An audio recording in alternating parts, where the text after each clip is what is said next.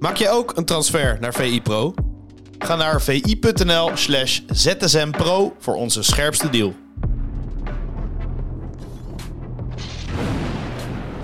Pieter, goedemorgen. Goedemorgen Jarno. Welkom in weer een nieuwe VI-ZSM. De dag nadat ja, Messi de Best Man Award van de FIFA wint.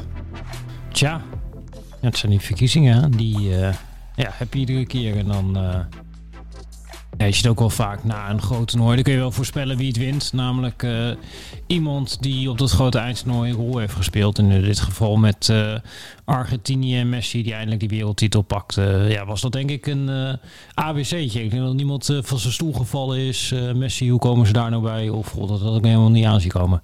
Nee, klopt. Maar als je dan toch kijkt, dan is vaak de kritiek... je moet naar een heel seizoen kijken of niet. En, en wat, wat presteert iemand bij een club of niet. Stel dat de WK niet gespeeld werd. En ik weet, het WK is wel gespeeld. Maar stel dat dat niet het geval was. Zou hij dan ook gewonnen hebben, denk je? Dan weet ik niet of hij dan had gewonnen. Want dan ga je inderdaad kijken naar Paris Saint-Germain. Dat was nou niet bepaald zo dat Paris Saint-Germain een indrukwekkende run maakte in de Champions League. En zijn eerste seizoen daar was voor Messi begrippen was dat uh, vrij moeizaam. Nou, daarna kwam hij wel beter in vorm al bij uh, Paris Saint-Germain. Maar ja, ja, daar praat je er wel over. Over een elftal wat tweede is geworden in de groepsfase achter Benfica. En wat uh, in de Franse competitie bovenaan staat. Ik weet niet of je, ja, of ik zeg nu, ik weet niet op basis van die prestaties had je natuurlijk nooit uh, deze verkiezing gewonnen. Dan is het hoogstens op basis van uh, de reputatie die hij natuurlijk al had als voetballer.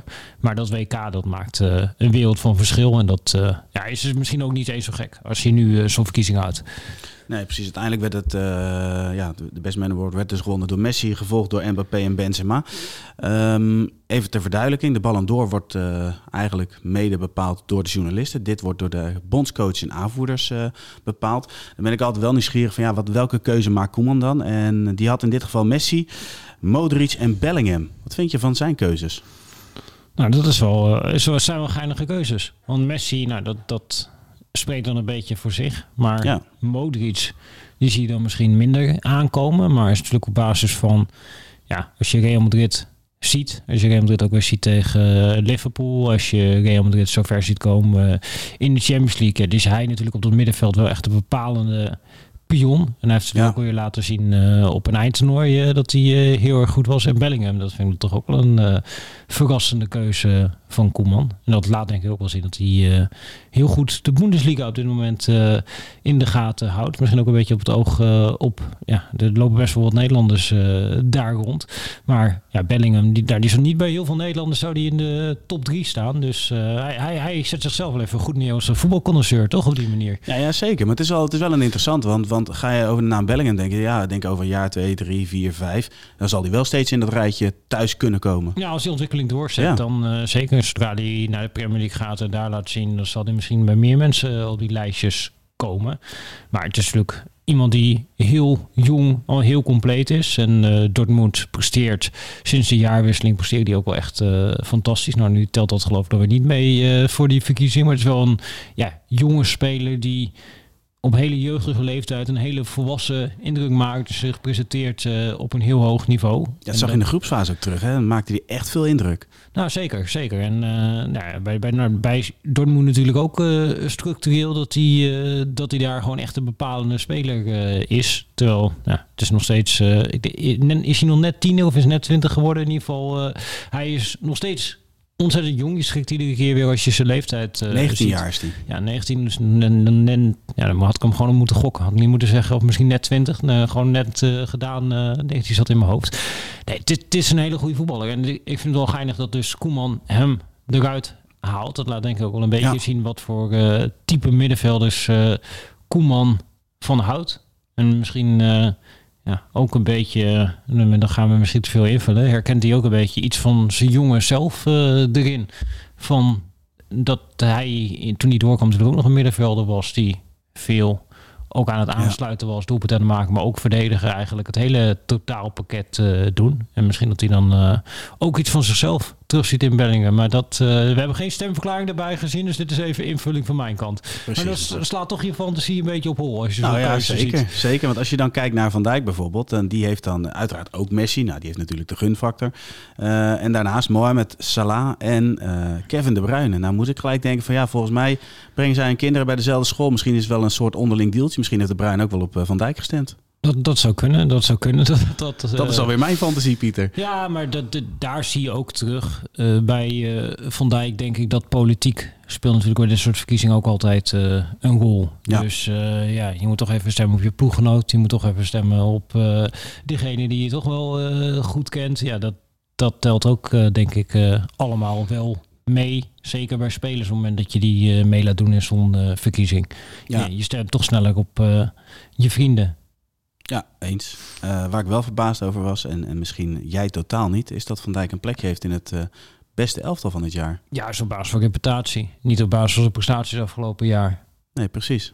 Dus, uh, maar goed, dat zie je natuurlijk ook wel vaker terug bij dit soort verkiezingen. Dat, ja, het is ook best lastig om. nou, die mensen worden ernaar gevraagd en je gaat even uit je hoofd en je komt tot iets. Het is veel makkelijker om een elftal van de week of van de maand te maken, omdat het nog, nog vers op je netvlies is. En dan ga ik van hoe ver ga je terug? niet meer precies inderdaad, ja, wat ze nog wel in dit jaar, wat ze nou niet uh, in dit jaar, wat heeft Van Dijk eigenlijk gedaan? Nou ja, je kunt natuurlijk nog wel een argument maken dat je zegt, oké, okay, hij is natuurlijk teruggekomen van die blessure toen in dat eerste half jaar van dit jaar waar het om gaat. Ja, heeft Liverpool natuurlijk uitstekend gepresteerd met Van Dijk in de ploeg. Champions League finale gehaald, tot het laatste moment meegedaan in de competitie. Een gigantische reeks daar neergezet. Uh, die twee bekers hebben ze, hebben ze het... Dan klinkt het uh, gelijk alweer een stuk logischer. Ja, als je, als je dat erbij bedenkt, maar als je het laatste half jaar uh, pakt, of eigenlijk dan en nog meer, zeg maar, van nou, na het WK weer blessure gehad. En dan zie je ja. nu terugkomen, wat moeizamer ja, het is net een beetje welke periode wil je eruit pakken en wil je belichten. Want nu je zegt, en dan ga je even terugdenken en dan denk je, ah ja, ze hebben wel een half jaar heel goed gepresteerd. Ongelooflijk. Ja. Op dat moment waren zij het beste team van Europa. Uh, met Van Dijk als uh, leider uh, achterin. Alleen, ja, dit seizoen is Liverpool niet op dat niveau. En dat komt ook omdat Van Dijk niet zijn normale niveau altijd aantikt. Nee, misschien heeft daar ook mee te maken, want we hebben ze tegen Real Madrid gezien. Dan denk je, ja, daar zou eigenlijk geen enkele speler van in een elftal moeten terugkomen. Nogmaals, dat is een momentopname.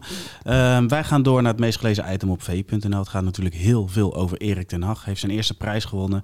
Heeft zich daarna een open brief gericht aan de United Sports. Want die hoeven zich geen zorgen te maken, want de toekomst van United ziet er mooi uit. Al dus de magier uit Tukkerland. Nou, dat is wel grappig, toch? Ja, dat is, uh, ik denk dat het ergens ook alweer uh, ten Hag typeert om ja, je, je merkte het aan alles eigenlijk al in de aanloop en hoe ze zich na afloop uiten. Dat uh, hij heeft er al helemaal over nagedacht van hoe dit voor hem in dat proces werkt en hoe hij het voor zich kan laten werken, deze prijs. Ja. ja ondertussen is die hele prijs is door hem ook een soort van ja, gedegradeerd tot een nuttige tussenstap. Even een moment van succesbeleving wat we kunnen gebruiken om daarna met elkaar nog meer een stap uh, te zetten en even dat groepsgevoel uh, te stimuleren. En ik, vond het wel grappig, uh, Fabian van der Pol die was er natuurlijk en die schreef er ook een verhaal over. En dan ging het over die persconferentie na aflopen en dan zie je Ten Hag in het Engels allerlei dingen zeggen die die ook bij Ajax zijn, weet je wel, van de 24 uur uh, juichen, 24 uur rouwen, uh,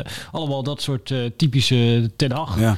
principes. Tevredenheid leidt tot luiheid, zeg maar alle tegeltjes die je kent van ten Hag, goed is niet goed genoeg, al die dingen die ja, projecteert hij er daar ook op. en ik denk ja, met die brief, maar ook in de interviews die hij geeft, ja, je merkt dat hij die prijs op een manier aan het framen is dat hij het voor zichzelf heel goed kan gaan gebruiken. En dat doet hij, uh, dat doet hij uh, waanzinnig slim om ook die uh, beeldvorming naar zijn hand te zetten. Ja, wat ik, waar ik nieuwsgierig naar ben, Pieter, jij volgt trainers vaak wat, wat, wat meer en wat, wat gerichter dan, dan menigeen hier bij Voetbal International. wij hebben ooit eens een keer een Black Friday, laat maar zeggen, de hand van Ten Hag hebben we ja, uitgebreid besproken, waarin eigenlijk de, de spelprincipes, de manier van spelen dus, laat maar zeggen, terugkomt. Jij gaat wat dat betreft nog verder terug bij hem, zo misschien zelfs wel zijn go-ahead periode. Mhm. Als je nou die hele lijn van Ten Hag pakt, wat, wat is je nou het meest opgevallen als je, als je naar de beginnende trainer uh, Ten Hag kijkt en nu? Nou, wat me het meest uh, opvalt en wat denk ik ook het uh, knap is en wat hij nu doet bij uh, United, is dat Ten Hag, die wordt niet verliefd op zijn eigen idee. Dus je heeft wel bepaalde concepten die misschien van de ene naar de andere plek terugkomen. Maar je ziet dat hij heel flexibel is in de manier van spelen. Dus wat je nogal eens ziet bij trainers, die hebben op een bepaalde plek succes met een bepaalde speelwijze. En dan gaan ze naar een nieuwe club en dan wordt een soort van één op één wordt erop geprojecteerd. Nou, dan gaan we hier eens ook even proberen. En dat heeft Ten Hag nou, nu uitdrukkelijk niet gedaan. Maar het is niet de eerste keer. Hij ging ook van Utrecht naar Ajax. Twee spitsen nog. Utrecht, ja, twee spitsen. Vaak 4-4-2 Ruit, soms 5-3-2. Was volledig in zone hoe ze verdedigden. Nou, bij Ajax uh, werd het 4-3-3. Je zag ook dat uh, zeker op het middenveld in de druk zetten, komen ze vanuit de zone, komen ze in mandekking ja. uh, terecht. Nou, dan zie je allerlei ja, variaties die wezenlijk anders zijn dan dat het bij, Uni bij Utrecht was en nu bij United, zie je ook weer dat het niet... Hij heeft er geen kopie van gemaakt. Misschien heeft hij in de eerste twee wedstrijden nog enigszins geprobeerd. Maar je ziet daarna dat hij toch de conclusie heeft getrokken. Oké, David de Gea, als hij kort moet opbouwen, eh, dat is lastig. Nou, dan mag die wat vaker mag hij uh, de lange bal spelen. Maar ook bijvoorbeeld in het uh, druk zetten, wat je bij Ajax eigenlijk continu uh, zag. Nou, dat is alleen een klein detail. Was als, als hij rechtsbuiten naar binnen ging met druk zetten. Nou, dat was toen Anthony. Dat is nu nog steeds Anthony. Dan ging bij Ajax, dan kon je er donder op zetten. Dan Mascoui vol ging op die linksback van de tegenstander. Dit seizoen moet je maar eens op letten. Bijna altijd als de back van de tegenstander wordt vrijgespeeld, gaat de back van United aan die kant die gaat niet door, maar die blijft gewoon in positie staan. Nou, dan ga je denken, goh, waarom is dat nou? Dat, ja, dat deden ze bij Ajax altijd. Uh, dat doen ze hier niet. Uh, is het mhm. opdracht? Is, komt het uit die spelers? Nou, dan ga je nog eens nadenken over, goh, wat staat er nou rechts centraal achterin?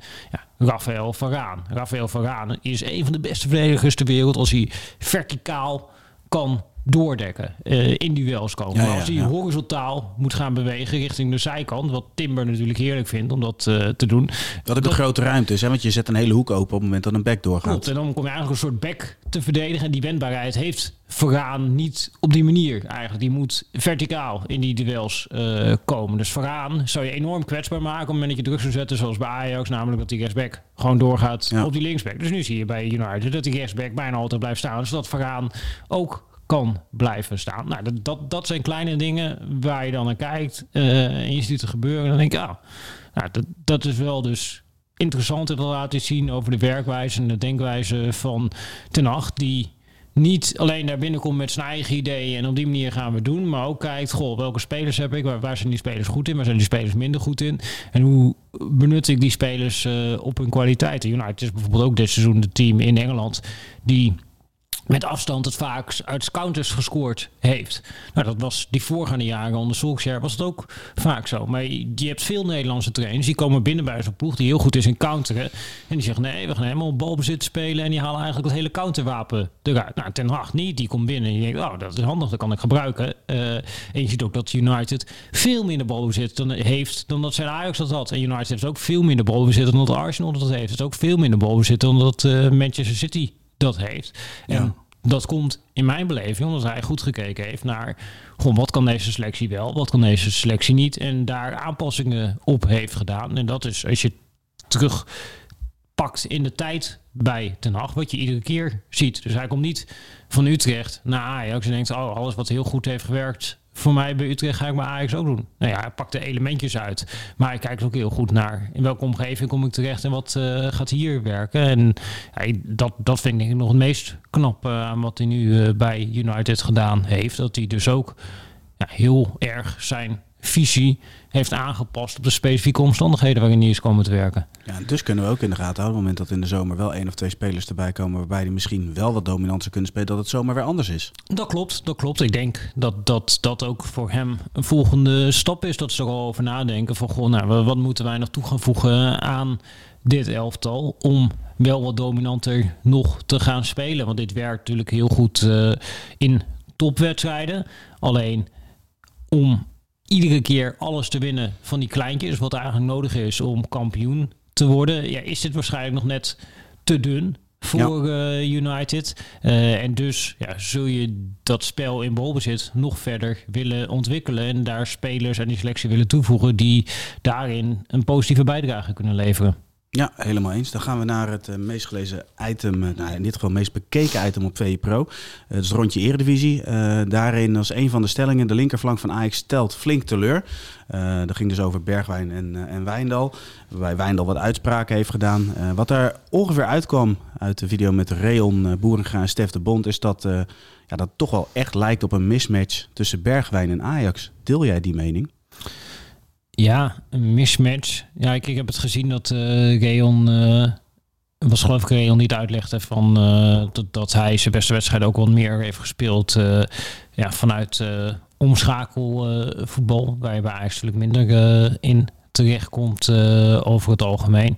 Ja, ik denk dat daar wel iets in zit, dat hij in hele kleine ruimtes, dat, en dat zit denk ik ook met name bij hem in dat er te weinig variatie zit in die acties die hij maakt. Want je weet, nou ja, uh, hij gooit zijn kont erin en dan gaat een beetje zo naar binnen dribbelen.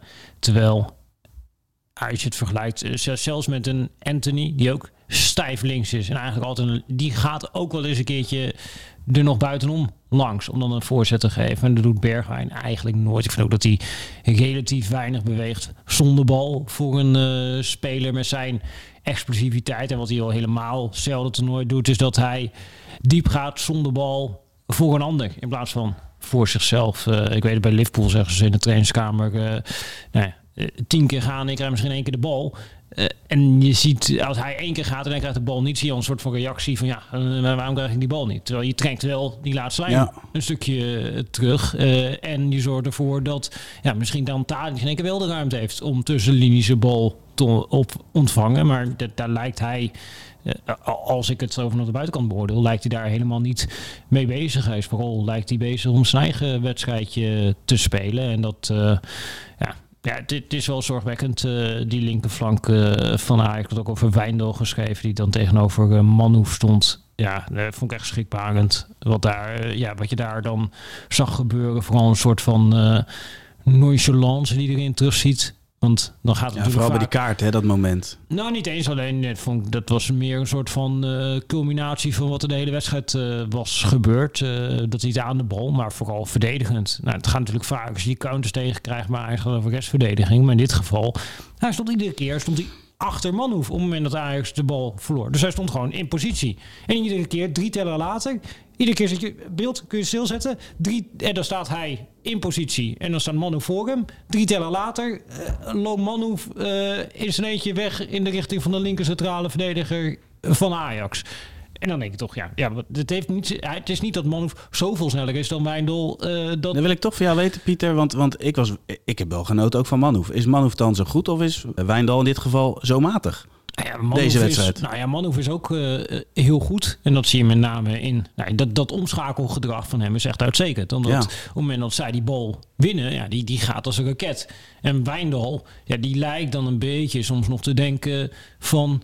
Oh, nou ja, iemand anders lost er misschien wel op. En uh, ik loop er een beetje achteraan. is alleen maar met balbezit bezig, lijkt het wel. Nou ja, dit het gaat in ieder geval niet uh, volle bak 100% uh, terug in positie. En dan moeten steeds moeten anderen dat voor hem oplossen. Terwijl die in eerste instantie dus wel in positie staat. Kijk, als je nou al een achterstand hebt en diegene loop je eruit, ja, dat zou misschien een keer kunnen gebeuren. Maar als je in positie staat en alsnog gebeurt het vijf, zes, zeven keer in één wedstrijd dat diegene toch bij jou wegloopt, ja, dat, dat is, vind ik gewoon ja. uh, buitengewoon kwalijk. Want dan komt het op een gegeven moment ook aan op, nou ja, of je ziet het niet. Nou, dat zou heel zorgwekkend zijn. Uh, iemand die in Nederlands elftal heeft gespeeld, dat hij niet begrijpt hoe hij rechtsbuiten moet verdedigd. Of hij ziet het wel, maar hij doet het niet. Ja, ik, ik weet niet welke van de twee kwalijker is. Het is denk ik allebei is het gigantisch zorgwekkend als dat uh, jouw linksback is. Uh, en ja, dat wordt dan iedere keer opgelost. Uh, dat hij dat eigenlijk een beetje nou ja, vertikt of niet ziet. Net hoe je het, hoe je het wil uitleggen. Maar wat denk jij? Ja, vind ik heel moeilijk. Maar ik, ik weet wel dat ik dit ook bij AZ heb gezien. Heel vaak bij AZ. Dus het is niet vreemd?